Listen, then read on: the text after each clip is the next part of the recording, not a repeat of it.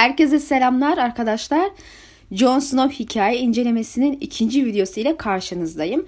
İlk bölümde Jon'un Sur'a geliş amaçları ve buradaki burada yaşadığı hayal kırıklıkları, üvey kardeşleriyle olan ilişkisi, manipüle ve arabuluculuk yeteneklerini ve Sur'daki kara kardeşleri ile geliştirmeye başladığı ilişki üstünde durduk.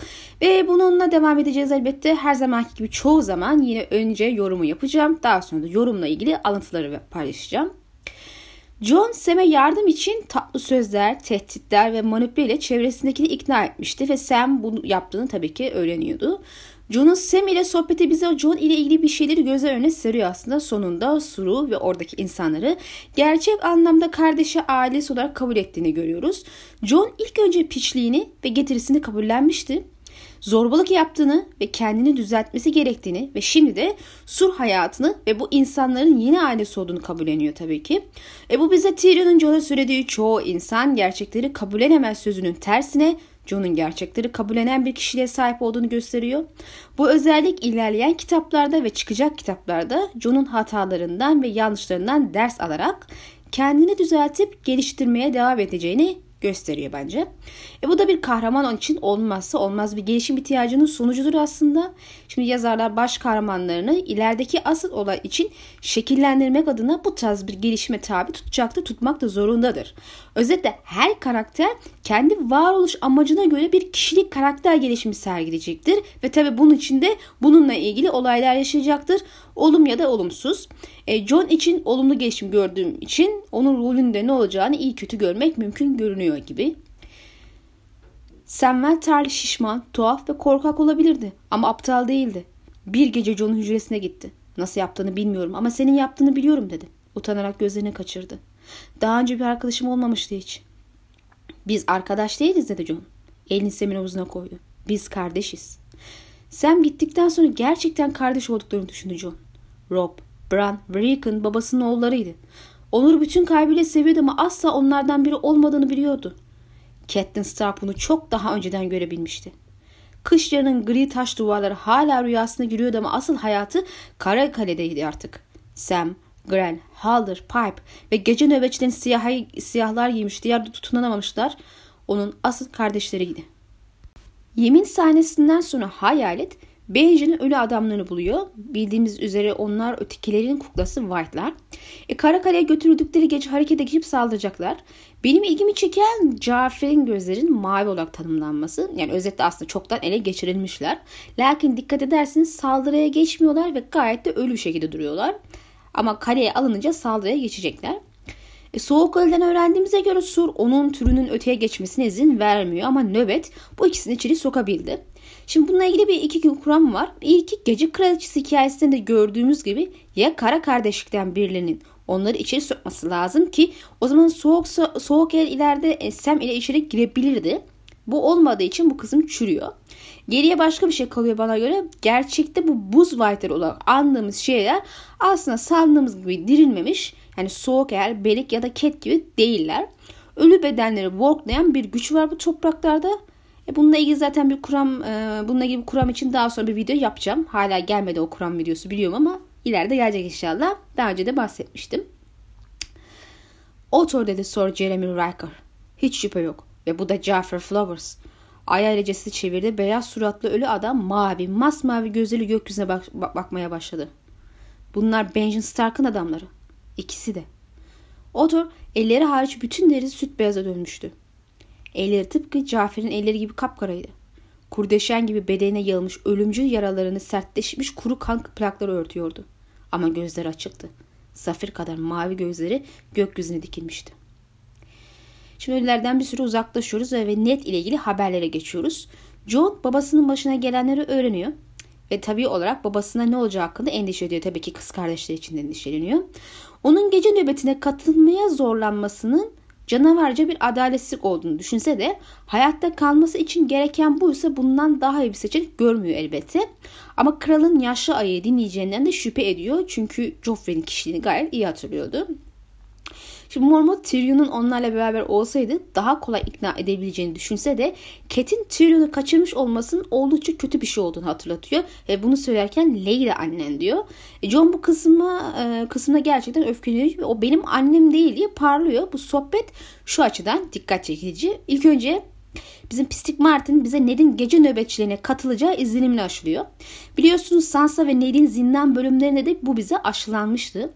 Yani Martin bizde bu şekilde beklenti yaratarak Ned'in kafasının kesildiğinde bildiğiniz suratımıza böyle bal özlemiş gibi olmamız istiyor. Tam bir sadist pislik bir herif ya. Kabul etmem gerekir ki çok iyi taktik.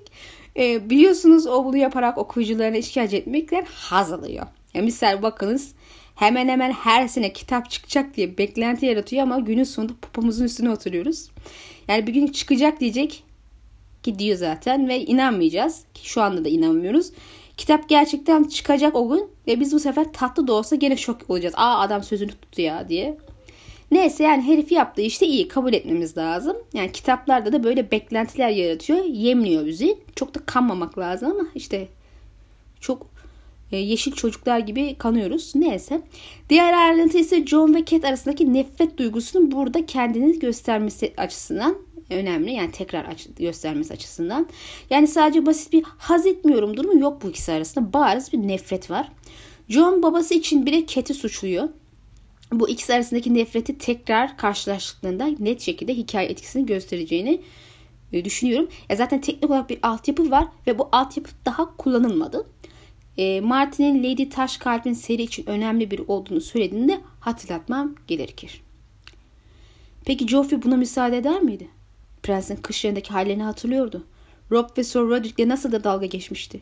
John'a dikkat bile dik etmemişti. Pişler onun aşağılamalarına bile layık değildi. Lordum, kral sizi dinler mi diye sordum Mormont'a. Yaşlı ayı omuzunu sikti. Bir çocuk kral. Annesini dinler diye tahmin ediyorum. Gin'in onlarla olmaması büyük talihsizlik. Sonuçta kralın dayısı ve buradaki halimizi gördü. Gerçi Lady annenin onu kaçırması iyi olmadı ama Lady Stark benim annem değil dedi John sertçe. Tyrion Lannister Jon'un arkadaşı olmuştu. Eğer Lord Eddard öldürüldüyse en az kraliçe kadar Lady Stark da suçluydu. İşte sonrasında John odadan çıkıyor. Herkesin bildiğini fark ediyor. E genel olarak John'a herkes nazik ve yakın davranırken bu durum yüzünden elbette ki John'dan nefret eden Alistair Thorne oğlanın yarasını kaşıyor ve John'un gözlerini karartıp kendini kaybettiğini görürüz. İkinci defa tabi. E bunu daha sonraki kitaplarda göreceğiz zaten. John'un içinde böyle sakladığı karanlık hala orada duruyor. Bir yere gitmemiş. Martin ara ara bunu gösteriyor bize. Ejo'nun durdurulması için birkaç kişi ihtiyaç duyulması bana hep ilginç bir ayrıntı olarak gelmişti. Ben onun göründüğünden oldukça daha güçlü ve acıya dayanıklı olduğunu düşünmüşümdür. E zira daha sonraki e, yabanlılardan kaçış sahnesi ve 5. kitapta Melisandre Pov'da kazık sökme sahnesindeki ayrıntılar bana böyle düşündürdü. Neyse her birine vakti gelince değineceğiz elbette. Sonra kampçı kadar sert ve keskin bir kahkaha duydu. Sor Alistair'ın sesiydi. Sadece bir piç değilmiş. Bir haini piçiymiş diyordu etrafındaki adamlara. John göz açıp göz açıp kapayınca kadar hançerini çekip masanın üstüne çıktı. Pipe onu yakalamaya çalıştı ama John bacağını hemen çekip masadan aşağı atladı. Koştu. Sir Aras'ın elindeki kaseye bir tekme attı. Yahne etrafa saçılırken Alistair geri kaçtı. İnsanlar bağırıyordu fakat John onları duymuyordu. Elindeki hançeri Sir Alicent'ın yüzüne doğru savurarak adamın üstüne atıldı ama henüz adam ulaşamadan Sam John'la Alice'in arasına girdi. Pipe bir maymun gibi John'un sırtına tırmandı. Kurbağa elindeki hançeri aldı. Ölüleri dönüyoruz tekrarlar. Ölüler harekete geçiyor ve saldırıyor. John Mormont'un hayatını kurtarıyor. E bu sırada da tabii eli yanıyor. Ölü korucuların saldırı, saldırısından sonra Mormont John'a uzun pençe isimli Valeria kılıcını veriyor. E bu kılıcın Blackfire olabilir şeklinde bir e, kuram vardı. Hatta benim ilk yazdığım kuramlardan biriydi. Ama bir hayran Martin'e bu konuda, konuda soru sormuş ve doğrudan hayır cevabı almış. Bunun ekran görüntüsü paylaşılıyordu internette gördüm. Yani saatte değilse güzelim kuram çöp oldu yazık. Kabzası uzun kılıcın ağırlığını dengelemek için kurşunla desteklenmiş mermerden yapılmıştı. Mermer dişlerini gösteren bir kuş şeklinde oyulmuştu ve gözlerine iki tane lal taşı yerleştirilmişti. Tutacağı saf deridendi. Siyah ve yumuşak. Terle ya da kanla lekelenmemiş. Bıçağı John'un alışık kılıçların bıçağından 15 santim kadar daha uzundu. Sadece kesmek için değil, sokmak için de dövülmüştü. Üzerinde üç derin oluk vardı. Babasının kılıcı buz, iki elle kullanılan gerçek bir çift el kılıcıydı. Bu kılıç ise bazı yerler adına piç kılıcı da denen bir buçuk el kılıçlarındandı. Kurtlu kılıç büyüklüğüne rağmen John'un daha önce savurduğu kılıçlardan çok daha hafifti. John kılıcı döndürdüğünde üst üste defalarca katlanmış çeliğin koyu renk katmanlarını seçebildi. Bu valile çeliği lordum dedi merakla. Babası bize dokunmasına izin verirdi. Bu çeliğin nasıl göründüğünü, nasıl hissettiğini biliyordu. Şimdi valile kılıcı şüphesiz John'un hoşuna gidiyor. E John kılıcı alsa da içinden olan, içinde olan şeylere dair önemli bir ayrıntılar görüyoruz. Çünkü John'un arz ettiği kılıç hep buz olmuştur ki bu da John'un içindeki bastırdığı hırs ve arzulara minik bir bakış oluyor, bakış oluyor bizim için. Ve tabi diğer yandan kaç kılıç verilirse verilsin babası olarak kabul edeceği kişinin net olacağı vurgusunu yapıyor. Şimdi bu cümle genelde Rhaegar gerçeğini öğrendikten sonra da Jon'un baba olarak Ned'i ve Stark'lığı tanıyacağı şeklinde yorumlanmıştır. Yani adiyet duygusunun Stark'larda olduğu zaten de aşikar. Jon buzu istese de Elbette kılıç ve lord unvanı Rob'a ait. Aslında uzun pençe Blackfire olsaydı tam da istediği gibi olmuş olurdu. Yani babasına ait olan aile kılıcını almış olurdu. Martin niye böyle bir şey yapmak varken çip ediyorsun güzelim hayalleri ya. Neyse artık. John Bran'ın yaşlarındayken her çocuk gibi kahramanca şeyler yapmanın hayalini kurardı. Kahramanlıklarının detayları her hayalde farklı olurdu ama babasının hayatını kurtarmaya düşerdi çoğu zaman. Bu kahramanlıklardan sonra babası onu gerçek bir sak ilan ederdi ve buzu John'a verirdi. O zamanlarda bile bunun aptalca bir hayal olduğunu biliyordu. Hiçbir piç babasının kılıcını savurmazdı. Bunu hatırlamak bile utandırıyordu onu. Hangi türden bir adam öz kardeşin doğumda gelen hakkını çalmaya düşlerdi? Bunu hakkım yok diye düşündü. Buzu ne kadar hak ediyorsam bunu da o kadar hak ediyorum. Yanık parmaklarını sıktı. Derisinin altında şiddetli bir zonklama hissetti. O benim babam değil dedi kendi kendine. Benim babam Lord Eddard Stark. Onu unutmayacağım. Bana kaç kılıç verirse, verirlerse versinler. Lord Mormont'a başka bir kılıcın hayalini kurduğunu söyleyemezdi. Şimdi Üstad, Üstad Aemon'un John ile o meşhur konuşmasını ve onun Targaryen olduğu keşfetmesi sahnesine geçelim. Babası ile ilgili durumu öğrendikten sonra Aemon olacakları tahmin edip oğlunu yanına çağırıyor. Bu sahneyi irdelemeyeceğim elbette çünkü bölüm incelemesi yapmıyorum. Ama Aemon'un uyarısı bence çok yerinde. Sevgi görevi öldürür. Aemon kendisi dahil herkesin sınandığını söylemişti. Kendisi de 3 kere falan sınanmıştır yanlış hatırlamıyorsam. Yani bir Targaryen için oldukça hoş bir sayı. Şimdi sınanma sırası Jon'da. O da ileride işte toplamda 3-4 kere sınanacak aslında. İlki Rob ve Ned için. E, Mormont da uyarıyor aptalca bir şey yapmamasını ama sonuç olarak nasıl yapmam onlar babam ve kardeşlerim diyerek ortalıkta dolanmaya başlıyor. Aemon sözlerini e, John'un Rob'a yardım için kaçmadan önce uyarmak için söylemişti. Ama John dinlemedi ve kaçmaya yeltendi. Arkadaşları tarafından ikna edilip geri getirildi. E bundan sonra da Ygritte ve Kış Yarı ile sınanacak ve hepsini geri itecek ama diğer yandan son kitapta da Arya'ya olan sevgisiyle sınanacak ve bu sonunu getirecek çünkü bu sefer diğerlerinde olduğu gibi sırtını dönmeyecek. E Lord Mormont Robert'ın avda öldüğünü duyunca da en sevdiğimiz şeyler felaketimizi getirir demişti ve oğlunun karısına duyduğu aşkın sevginin nasıl felaketine sürüklediğinden bahsetmişti. Yani görünüşe göre John'un felaketinde Arya'ya duyduğu sevgi getiriyor. Yani biliyorsunuz ölecek zaten. Yani kısaca Stuart Aemon haklı. Sevgi, vazifeyi de kişiyi de öldürüyor gibi. John gece nöbetçilerindeki kardeşlerinin neden evlenmediğini ve çocuk sahibi olmadığını merak ettin mi hiç? diye sordu Üstad Aemon. Böylece sevemezler dedi yaşlı adam. Sevgi onuru mahveder. Vazifeyi katleder. Sevgi bizim en büyük zaferimiz ve en büyük trajedimiz. Bunları düşünmenin sırası değildi. Dizginleri yapıştığında parmakları derin derin zonklanmaya başladı. Kısra mahmuzlayıp dört ona koşturdu.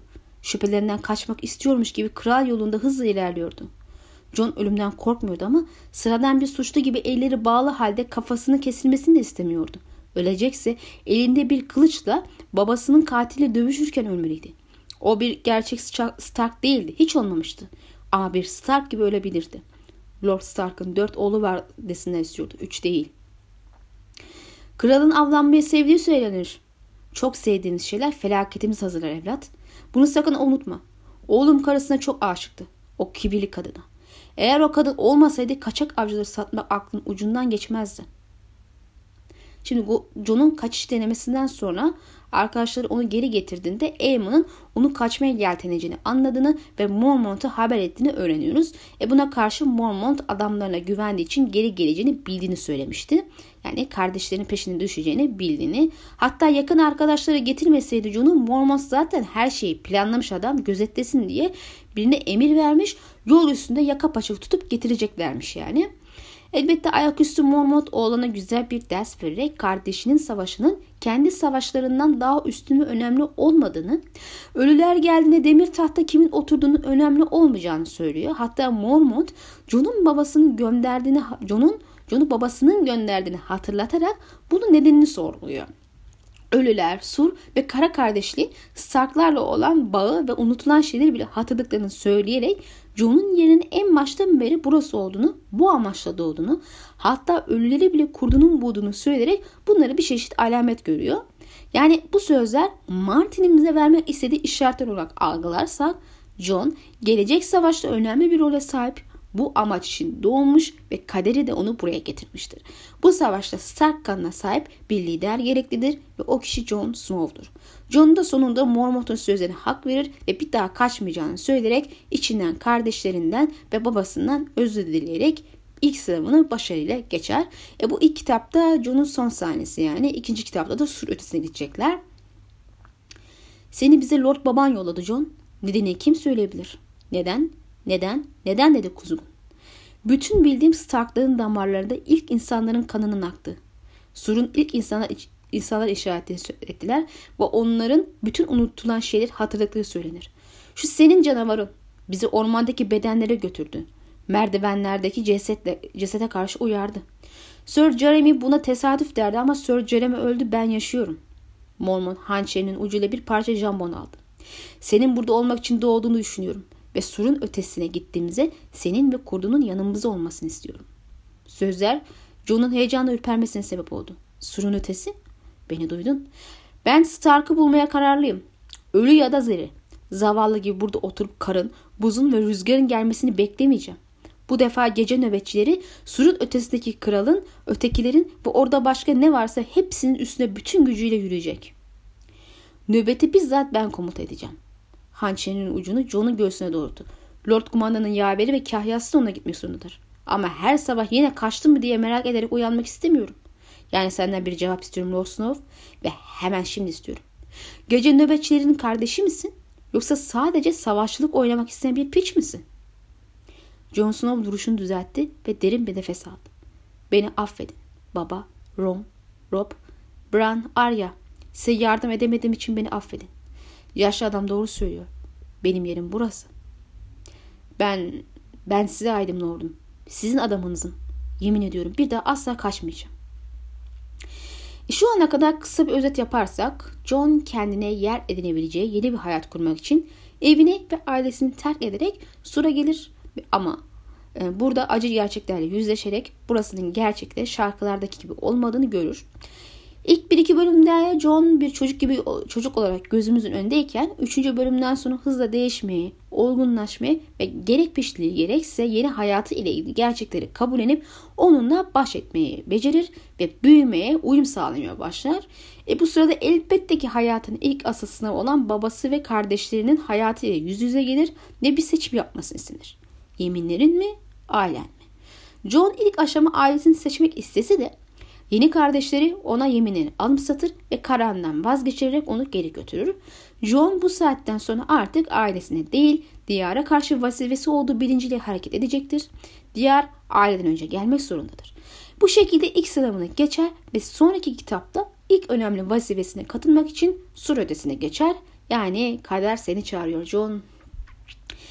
Şimdi kralların çarpışma, çarpışmasına geçiyoruz. Mormon sur ötesi keşfe çıkmadan önce John'a Aemon'un hikayesini anlatır ve John bunun sebebini merak ediyor.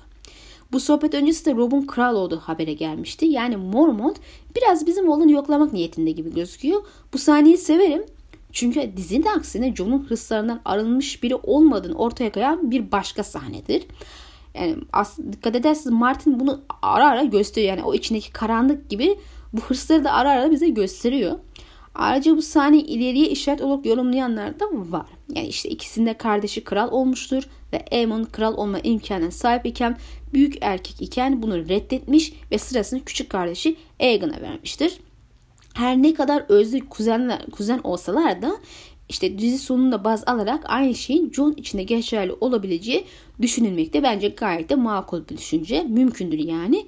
Tabi şöyle yine bir küçük minik bir ayrıntımız var. Yani ikisi de e, ömür boyu hizmet etmeye yemin etmiş bir organizasyona üye. Eamon Hisar Üstadı olarak görev yapıyordu e, ve bu yeminden azat edilme şansı varken bunu reddederek Sur'a gitme kararı alıyordu. Eamon en başından beri hırslarından arılmış. Sadece kitaplarla haşır neşir olmayı tercih eden ve en önemlisi hükmetmek için değil hizmet için doğmuş biri olduğuna inanmıştı. E John ise Aemon'dan buradan ayrılıyor işte. İkisinin farklılaştığı nokta.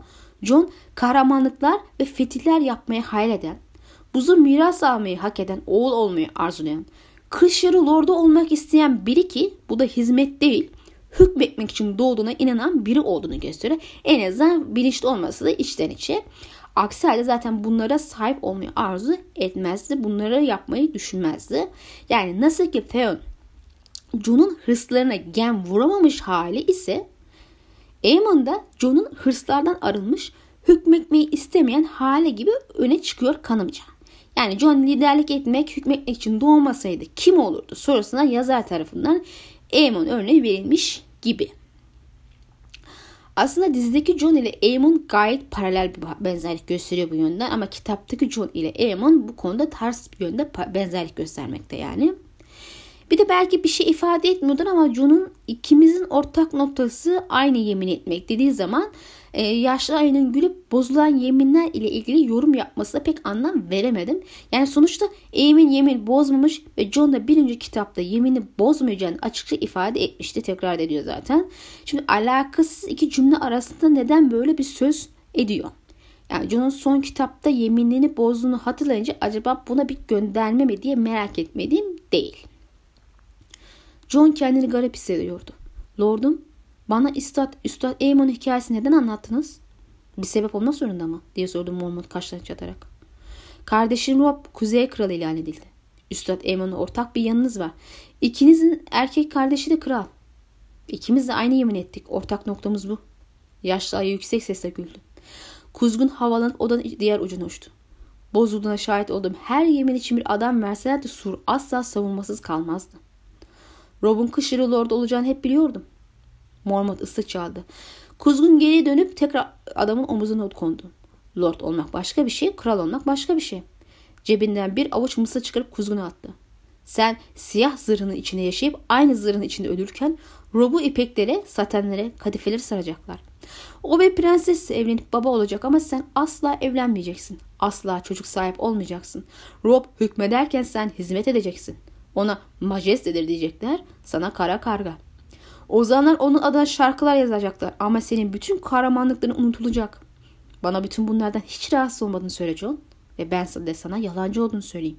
Gerçeği biliyorum. John bir yay kadar gergin halde ayağa kalktı. Bunlar beni rahatsız ediyorsa bile ne değiştirir? Ben bir piçim. Bir piç olarak ne yapacaksın peki? Rahatsız olacağım dedi John. Ve yeminlerime sadık kalacağım. John'un Robert'ın eski demircisi e, Donald Noy ile konuşması da güzel sahnelerden biri. Demirci Baratheon kardeşleri metallere benzeterek kişilikleri hakkında fikir beyan etmişti ve John Rob'un hangi metal olduğunu merak etmişti. Dikkat çekici şeylerden biri bana göre en azından. Stannis için bükülmeden önce kırılacak bir demir benzetmesi. Aslında Stannis'in demir kadar sert görülmesinin ama özde nasıl da kırılgan bir yapıya sahip olduğunu gösteriyor. E bunun sebebi de aşırı sabit fikri biri olması. Yani duruma göre şekil, şekil alan su gibi olmama bu insan tabii ama hani bazı yerlerde esnek pay, esnek payı bırakmak gerekir. E, net de aslında son dönemlerinde demir gibi davranmıştı. Yani dikkat ederseniz bir türlü esnemiyordu fikirlerinde ki sonunda da ölümüne sebep oldu. Muhtemelen Stannis'in sonunda da bu esnek olmaması sebep olacak. Ee, yani aslı göndermeden biri John'un ileride e, Kate'i hatırladığında da onu demir o gibi düşünmesiydi. Yani gerçekten de o da çok sağlam bir demire benzerken kırılgan yapıda olduğunu gördük. Yani nitekim paramparça oldu kadın ruhsal olarak ve öldürüldü. Neyse bunun küçük hoş bir ayrıntıda e, bahsetmek istedim. Doğrudan John'la alakası yoktu. Biz gene John'a dönelim. Adımı bağıran tek kuş bile yeterince kötü aslında dedi John. Ve kar, kara kardeşini duymak isteyecek kelime değil. Kar kuzeyde ölüm anlamına geliyordu.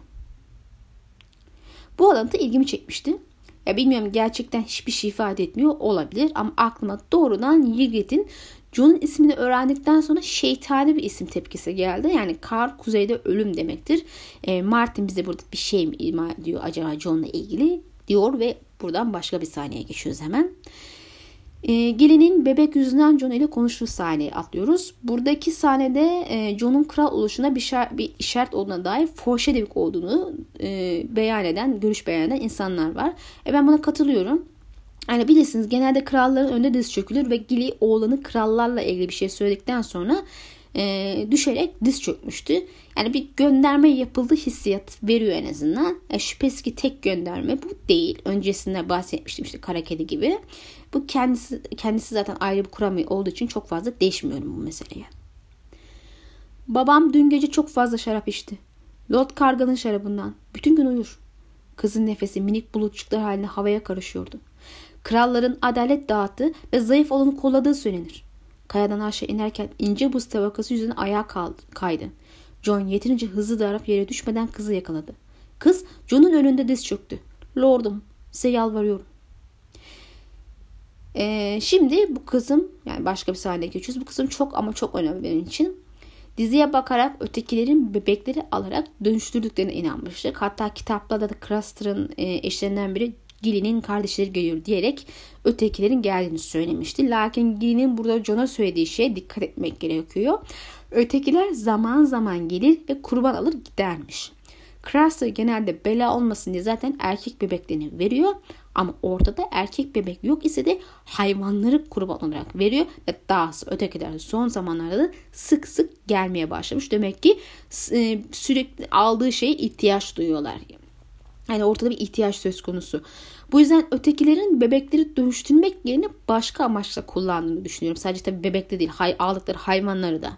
Sonuçta bebek yoksa hayvan alıyorlar ve hayvanları da dönüştürecek halleri yok. Bundan daha önce bahsetmiştim bir videoda. Yaşlı dadanın hikayeleri abartılı ve yer yer yanlış bilgiler içerse de eğer bu kısım doğru ise hizmetkarların bebek etiyle beslediğinden bahsediyordu. İşte bu hizmetkarlar kim elbette bilmiyoruz tam olarak. Belki buz örümcek gibi türlerden bahsediyordur. Yahut kan büyüleri için kullanıyorlar. Bu görüşe daha yakınım. Şimdi ötekilerin tarafında her şey ölü ve buzdan. E, sıcak bir kan akmıyor bunlardan. Mavi bir kan akıyor soğuk. Yani faal olan bir büyü de var orada. Yani buz büyüsü. Yani ister ateş ki muhtemelen buz büyüsü olsun. Yani ateş buz fark etmeksizin. Her büyünün temelinde bir kan büyüsü var kan fedakarlığı yapılmadan büyük gerçekleşmiyor ya da çok zayıf kaçıyor. Ve bu yüzden bunların kana da ihtiyaç duyması beklenebilir. Kendim için değil, bebek için korkuyorum. Eğer kızsa sorun yok, büyüdüğünde onunla evlenecek. Ama Nella bebeğin erkek olduğunu söylüyor. O altı kez doğurdu böyle şeyleri bilir. Craster erkek bebekleri tanrılara veriyor. Beyaz soğuk geldiğinde bunu yapıyor. Beyaz soğuk artık sık sık geliyor. Önceleri onlara koyunlar veriyordu. Hem de koyun etini sevmesine rağmen. Koyunlar bitti. Sırada köpekler var. Onlar da bitince gözlerini indirip karnına baktı. Şimdi buradan başka yere geçiyoruz. E, John ve kafile ilk insanların yumru denilen yere geldiğinde hayret bir çember kaleye girmek istemiyor ve John sebebini anlamıyor. Bu ilginç gerçekten çünkü bir ulkuluk niye buradan hoşlanmaz ki? Bu hala tam içeriğini çözemediğim bir şey. E, gerçi sonrasında John da buradayken huzursuz hissetmeye başlıyordu. Hatta kuzgunlar bile rahatsız hissediyor. Şimdi John burada bir ihtimal ilk insanın hayatları olabileceğini düşünüyor. Kurtlar ölüme benzer şeyler hissediyorlar zaten biliyorsunuz. Zaman zaman huzursuz olduklarını gördük böyle şeylerde. Yani buradaki bir takım güçleri hissetmiş olmaları muhtemel. Ormancı Dwayne iyi bir buruna sahip olmakla övünüyor ve Craster'ın soğuk koktuğunu söylüyor. Ki o da zaten e, ötekilerle anlaşma yapan içli dışlı bir adam. O yüzden soğuk kokması çok mantıklı. Yani buna işaret edilmiş Martin tarafından muhtemelen. Ayrıca yine yumrukta otururken soğuk koktuğunu söylüyor bunun. Yani büyük olasılıkla ötekiler bunların peşinde olduğuna dair bir işaret. E, zaten gerçekten de peşlerinde olduğunu biliyoruz.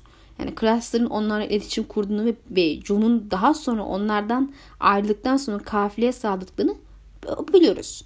Yani ötekilerin takibini hissetmiş olabilir hayalet. Yine de bu mesele sadece bu olmayabilir tabii ki. Çember kaleye vardıklarında hayalet tekrar ayak diretti. Taşların arasındaki boşlukları koklamak için tedirgin birkaç adım attıktan sonra geriledi. Aldığı kokudan hoşlanmamış gibiydi. John kurdu ensesinden yakalayıp çemberin içine sokmaya zorladı ama bu kolay bir iş değildi. Kurt John kadar ağırdı ve ondan çok daha güçlüydü. Hayalet senin neyin var? Ulu kurt normalde bu kadar huysuzluk etmez. John sonunda pes etti. Nasıl istersen dedi kurda. Git ablan. John yosunlu taşların arasından tekrar çember içine girerken kırmızı gözler onu izliyordu. Dwayne elinde tahta kaşıyla gevezelik ediyordu. Bu ormanı hayattaki her adamdan daha iyi bilirim. Ve sana söylüyorum. Bu gece bu ormanda tek başıma at sürmek istemezdim. Kokuyu almıyor musunuz? Ne kokusu Dwayne diye sordu Graham. Ormancı bir an için kaşığını emdi. Dişlerini çıkartmıştı. Yüzü kayış gibi bu ve buruş buruştu. Eli yaşlı kökler gibi eğri bölüydü. Bana kalırsa şey gibi kokuyor. Evet, hmm, soğuk. Kafanda dişlerin gibi odundan yapılmış dedi Hake. Soğuk kokusu olmaz. Olur diye düşündü John. Lord Kuman'ın odasındaki geceyi hatırlamıştı. Ölüm gibi kokar. Açlığı birdenbire kaybolmuştu. Aynı gece John hayaletin peşinden gidiyor çünkü kurt onu takip etmesini istiyor besbelli. E bu takip sonunda toprağa yeni gömülmüş, nöbetin kara pelerine sarılmış boruyu ve ejderha camını buluyor. Bu boru muhtemelen kış borusu olabilir hala Sam'le birlikte. Hisar'da. E, hayalet neden garip davrandı? Yani yeni gömülmüş bir şeyleri kim koydu? Hayalet ve John hatta kuzgunlar huzursuz iken hava soğuk kokuyor iken acaba etrafta kimsenin fark etmediği bir ölü donanıyordu ya da öteki. Misal soğuk el buraya gelmiş bunları gömüp gitmiş olabilir mi? Belki Benji bile koymuş olabilir diyeceğim ama biraz uçuk olabilir. Yani hayaletin bu garip davranışları ve kendi eliyle koymuş gibi doğrudan hedefe gidip kazıp çıkarması yani worklandı mı yoksa zaten bu kurtların anormal olduğu için bir şekilde sezinde mi fark etti mi? Bunlar gibi bir sürü soru sorabiliriz ama kesin cevabı maalesef almaktan şu an uzak gibi görünüyoruz. Bu sahne iyi bir gizem barındırmakla beraber John'un Lord Kumandan'ın söylediği gibi burada olmak için doğduğunu bir kere daha anlıyoruz. Çünkü ölüleri hayalet bulduğu, gömülmüşmüş ejderha camlarını da hayalet buldu. Yani devam olarak John'un hikayesi kuzey ve gelen savaş ile görünmekte ve tabii ki hayalet gibi bir ulu kurdun e, kuzey güçleriyle ilgili bir bağlantısı da var olduğunu gösteriyor gibi. Hayaleti dereden su içerken buldu. Hayalet diye seslendi. Bana gel hemen. Ulu kurt başını kaldırdı. Gözleri kıpkırmızı ve şeytanca parlıyordu. Çenesinden aşağı salya gibi sular akıyordu. Tam o anda hayvanda korkunç ve acımasız bir şeyler vardı. Birdenbire atıldı, John'un yanından geçti ve ağaçların arasına daldı. Hayalet dur, hayır diye bağırdı John ama ulu kurt dinlemedi. Karanlık güçlü beyaz şekli yutmuştu. John'un iki seçeneği vardı. Ya tek başına tekrar tepeye tırmanacaktı ya da takip edecekti. Yumuşak bir eşeleme sesi, dön sesi, sesi dönmesine sebep oldu. John büyük taşların ve dikenli çalıların arasında dikkatli adımlar atarak sesi doğru yürüdü. Devrilmiş bir ağacın arkasında tekrar hayaleti gördü. Ulu kurt telaşla toprağa kazıyordu. Ne buldun? John meşaleyi indirince yuvarlak bir tümsek gördü. Bir mezar diye düşündü ama kimin? Dizlerin üstünde oturdu. Meşaleyi yere bıraktı. Toprak kumlu ve yumuşaktı. John elleriyle kazmaya başladı. Ne taş ne de kök vardı. Burada her ne varsa daha yeni görülmüştü. Parmakları yarım metre kadar derinlikte kumaşa değdi. Bir ceset bulacağını düşünmüştü. Bir ceset bulmaktan korkmuştu ama bu başka bir şeydi. Kumaşı yokladı ve altındaki küçük sert şekilleri hissetti. Koku yoktu. Kurçuklar yoktu. Hayret geriledi, oturdu ve izlemeye başladı. John toprağa kazmaya devam etti ve bohça haline getirmiş kumaşı açığa çıkardı. Parmaklarını toprağa sokarak kumaş yığını kavradı ve gevşetti. Yığını yukarı çektiğinde içindekiler her ne ise yer oynayıp şıngırdadı. Hazine diye düşündü ama hissettiği şekiller sikke olamaz, sikke olamazdı ve duyduğu şıngırtı metal sesi değildi. Bohçanın ağzı aşılmış bir ip parçasıyla bağlanmıştı. John hançerini çıkarıp ipi kesti ve kumaşın kenarlarını tutup çekti. Bohça açıldı. İçindekiler yere döküldü. Koyu ve parlak. Düzünlerce bıçak, yaprak şekilde mızrak ucu ve sayısız ok ucu gördü. Bir hançer bıçağı aldı. Tüy gibi hafif parlak, siyah ve sapsızdı. Meşale alevi bıçağının kenarına dolaştı. Ustura keskinde ince turuncu bir çizgi. Ejderha camı üstadların obsidyen dediği şey. Hayret ormanın çocuklarının binlerce yıldır burada gömülü olan kadim silahlarını mı bulmuştu? İlk insanların yumruğu çok eski bir yerde ama ejderha camlarının altında eski bir savaş borusu vardı.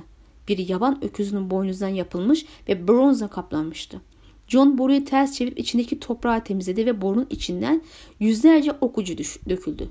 Silahların sarıldığı kumaşı ucundan tuttu. Parmaklarının arasında ovdu. Kalın, iyi gün, çift katlı, nemli ama çürümemiş. Uzun zamandır toprağın altında olamazdı ve koyu renkliydi. Kumaşı çekti meşalenin ışığına baktı. Koyu renk değildi, siyahtı. John ayağa kalkıp kumaşı tamamen açmadan önce elindeki şeyin ne olduğunu biliyordu. Gece nöbetçilerinin Yemini kardeşine ait bir siyah pelerin. John ve taş yılan gördükleri yabanlıları yakalamak için ayaz dışı uzun bir tırmanış gerçekleştiriyorlar. İkisini öldürürken John kız olduğunu anladığı Ygritte'i esir eder. E bu kız daha sonra onun yabanlılar arasına girmesini sağlayacak iken John'un ilk aşk macerası olacak. E, John'un onu ilk gördüğünde ve sonrasında da ilgisiz olmasına rağmen Arya'ya benzetmesi bir düşündürücü etken. E bir kere de değil yani tekrar tekrar hatta sonra karakterlerinde de benzerlik olduğunu görüyor. Yani inatçı olmaları gibi. Bu da John Arya için öne sürülen kuramlardan yani e, argümanlardan biri. Zira dediğim gibi kızın görünüş olarak Arya'yı anımsatacak bir şey yok. Sadece Martin de dediği gibi bir yerde. E, saçların kuş yuvası gibi olup hiç taranmamış olması gibi benzerlikler var. E bir de John kızın Arya kadar sıska olup olmadığını sorguluyor ki bunu ileride tekrar yapacak. Bu da oldukça absürt bir şey. Yani bir insan niye ilk karşılaştığı birinin ve ileride sevgili olduğu birinin vücudunu kardeş bildiği birinin vücuduyla kıyaslar. Yani bence oldukça iğrenç ya. Yani John açısından en ıyık diyeceğimiz sahne bu. Onu çok anormal gösteriyor. E Martin e, Yirgit'in John'un yanında rahat hissetti. Yani özetle kadın zevkini gösterdiğini açıklamıştı. Hatta doğrudan bir Martin'den bir alıntı yapalım bu konuda. Bu belirli bir fiziksel tipe bir gönderme ve John'un takdire şahin bulduğu şeyin bir göstergesi. Bu sanki birinin size birini hatırlatması gibi biliyorsunuz. Yani diğer insanlar orada yaşayan küçük kemirgenlere benzeyen saçlar yüzünden rahatsız olabilir. John buna alıştığı için onu rahatsız etmiyor. Yani biliyorsunuz ki, biliyorsunuz ki John daha sonra Val'dan da hoşlanıyordu çok fazla. Hatta birbirine kurdağı yaptılar 5. kitapta. Görünüşü göre bizim oğlan eli kılıç tutan geleneksel bir lady kalabalığında olmayan kadınlara karşı bir beğeni duygusu geliştirmiş. Bu da çok doğal. Zira her insanın erkek kadın konusunda damak tadı çocukken şekillenmeye başlayacaktır. Çevresindeki örnekler gibi birçok etken var bunda.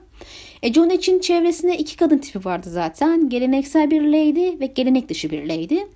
Yani kadın diyelim illa lady olmak zorunda değil. Yani geleneksel e, kadını temsil eden Cat Stark'lı.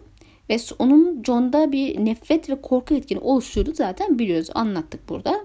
Hatta Sansa'nın bile annesinden doğal olarak etkilenip bir soğukluk ve dış kapanın dış mandalı vurgusuyla hareket ettiğini de biliyoruz John'a karşı.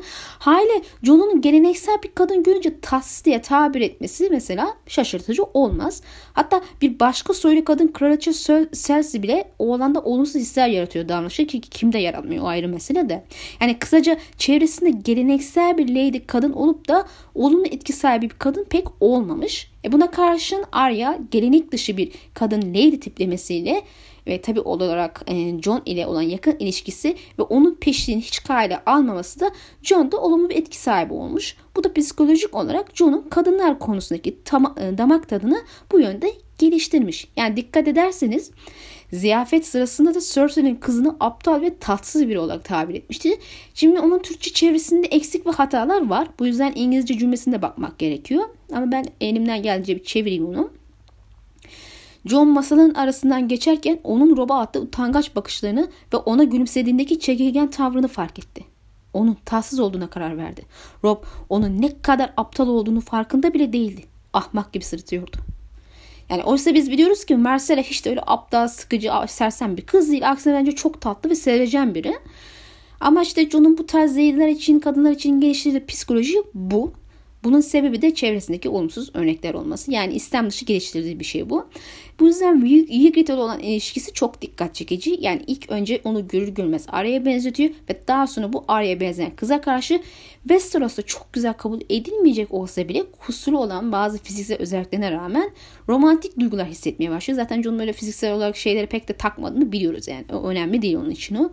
Yani Ygritte Arya dışında tanıdığı ilk geleneksel dışı kadın tiplemesi ve hızlıca ona karşı hisler duymaya başlıyor ve sonrasında zaten malum kendisi Jon'un ikinci sınavı.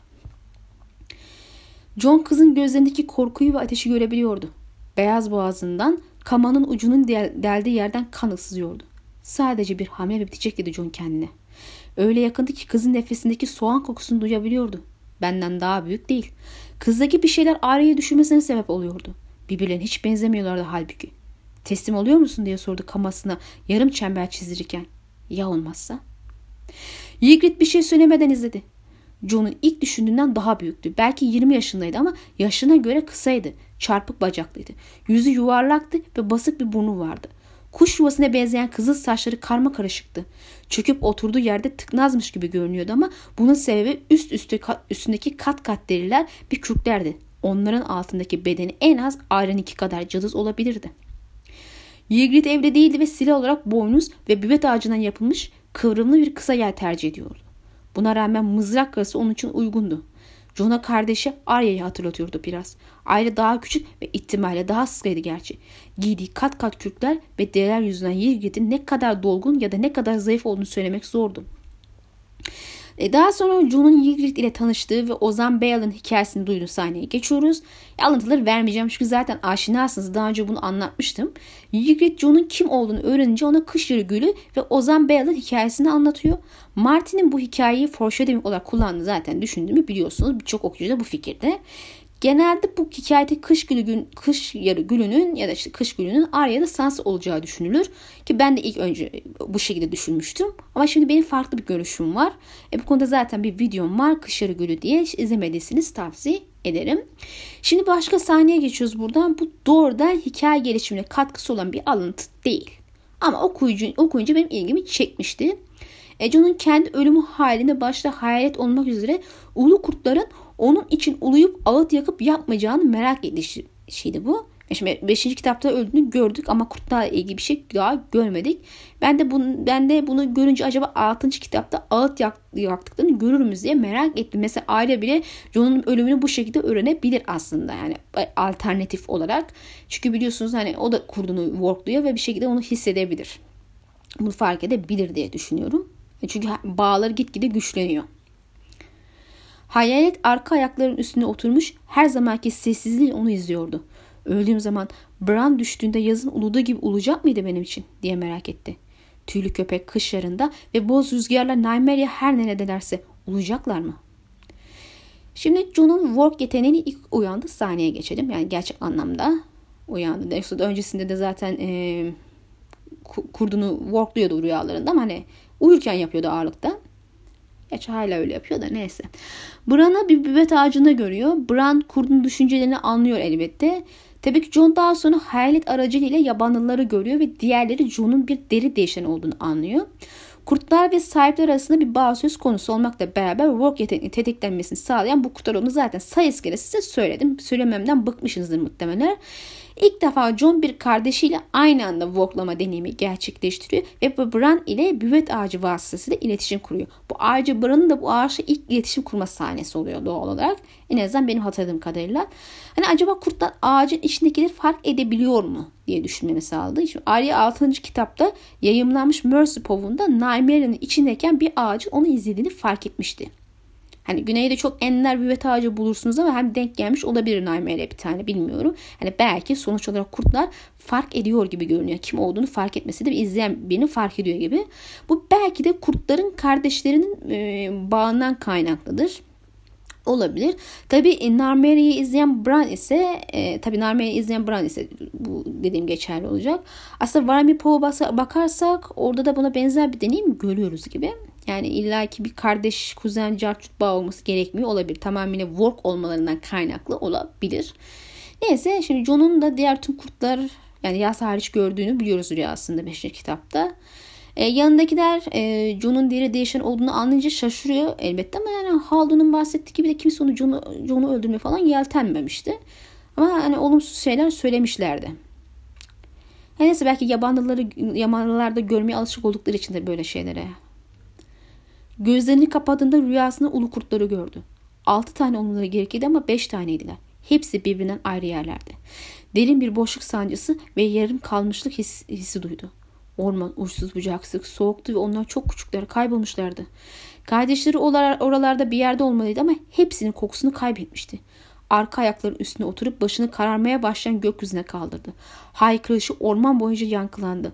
Uzun ve yas dolu bir çığlık. Sesi sinip giderken kulaklarını dikti. Bir cevap almak için dinliyordu ama duyduğu tek şey ya savrulan kar, karların iç çekişiydi. John ses arkasından gelmişti. Bir fısıltıdan daha hafifti ama güçlüydü ve aynı güçlüydü aynı zamanda. Bir çığlık sesi olabilir miydi? Bir çığlık sessiz olabilir miydi? Kafasını çevirdi. Kardeşini arıyordu. Ağaçların arasında hareket eden ince gri bir şekil görmek için bakıyordu ama hiçbir şey yoktu. Sadece som kayadan filizlenmiş gibiydi. Beyaz kökleri sayısız kılcal yarın ve saç teli inceliğindeki çatlakların arasından kıvrılarak yukarı tırmanıyordu. Gördüğü diğer büyüvet ağaçlarından daha inceydi. Henüz bir fidandı ama o izlerken büyüyordu ağaç. Gökyüzüne uzanırken kalınlaşıyordu dalları. Temkinli bir şekilde pürüzsüz beyaz gövdesinin çevresinde dolaştı. Yüze gelene, denk gelene kadar. Kırmızı gözler ona baktı. Öfkeli gözlerdi ama onu gördüklerinde sevinmiş gibiydiler. Büvet ağacının yüzü, yüzü kardeşinin yüzüydü. Kardeşin her zaman üç gözü mü vardı? Her zaman değil dedi sessiz çığlık. Kargadan önce yoktu.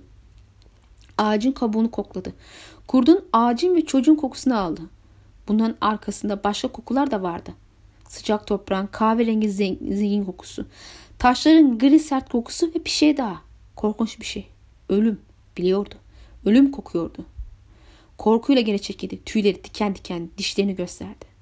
Korkma. Karanlığı seviyorum. Seni kimse göremez ama sen onları görebilirsin. Fakat önce gözlerini açmalısın. Gördün mü? İşte böyle. Ve ağaç aşağı uzanıp ona dokundu. Sonra aniden dağlara, dağlara geri döndü. Büyük bir uçurumun kenarında duruyordu. Pençeleri bir kar yığının içine gömülmüştü.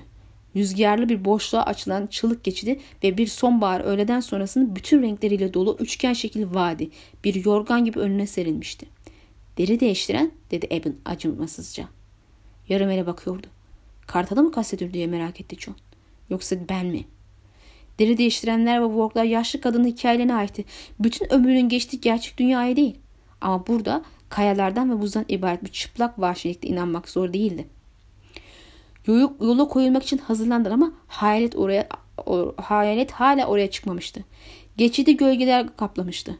Korucuların çatolucu dediği büyük dağın sivri ikiz tepelerin arasında güneş hızla batıyordu. Eğer rüya gerçekse düşüncesi bile canını korkutuyordu. Kartal hayalete zarar vermiş ya da onu uçuruna itmiş olabilir miydi? Kardeşinin yüzünü almış. Karanlık ve ölüm kokan bübet ağacı neydi peki? John'la ilgili bir alışkanlıktan bahsederek onu biraz daha iyi tanıyalım. Belki sonraki kitaplarda sahneleri okurken onun ruh halini anlamak açısından faydalı olabilir işaret açısından. Şimdi John'un yanan ellerinden sonra sürekli olarak gerildiği ya da düşünceli olduğu zamanlarda yani bu tarz duygularda bu yanık elini açıp esnet açıp esnetme huyu var. Yani onun ruh haline işaret eden bir şey. Yani işte Arya'nın da benzer bir ruh halinde sürekli olarak dudağını ısırması gibi bir şey. John kalan son yulafını atına yedirdi ve hayvanın yelesini okşadı. Hayalet huzursuzca kayaların arasında dolanıyordu. John eldivenlerini iyice çekti ve yanık parmaklarını esnetti. Ben diğer halkını koruyan kalkanım. Buradan Corin ve John'un yakalanma sahnesine geçeceğiz. E, Corin'in John'u Mormont'a sağ salim göndermek niyetinde değil bunun için yarım el Mens ile işbirliği yapıyor diye düşünenler de olmuştu. Yani böyle e, düşünenlerle karşılaştım ama öyle olsaydı zaten kendini öldürtmezdi. E, yarım elin o başka göreve gidecek sözü yabanlılar peşlerine düştüğü zaman John'un John'u hayata tutup işlerine girip casusluk yapma vazifesiydi. Elbette ne diye tecrübesiz bir oğlanı ta en başta yanına almak istedi bunu bilemiyorum. Yani belki Stark oğlu ve kurdu olduğu için olabilir. Yani malum nöbetin Stark'lara karşı bir hürmeti ve sevgisi var. Nitekim Mormont bile Jon'u kanı ve kurdu için istemiş yanında. Elbette ki yazar açısından bakarsak Jun'un arabulucu yeteneği geliştirmesi, karakterinin uygun şekilde girmesi için yabanlığın e, yanına gitmesi ve onları tanıması gerekiyor. Bu yüzden aslında yani yanına aldı. Ertesi gün Kartal'ı iki kere daha gördüler ve dağlarda yankılanan av vurulunu duydular. Her seferinde biraz daha yüksek, biraz daha yakında sesler.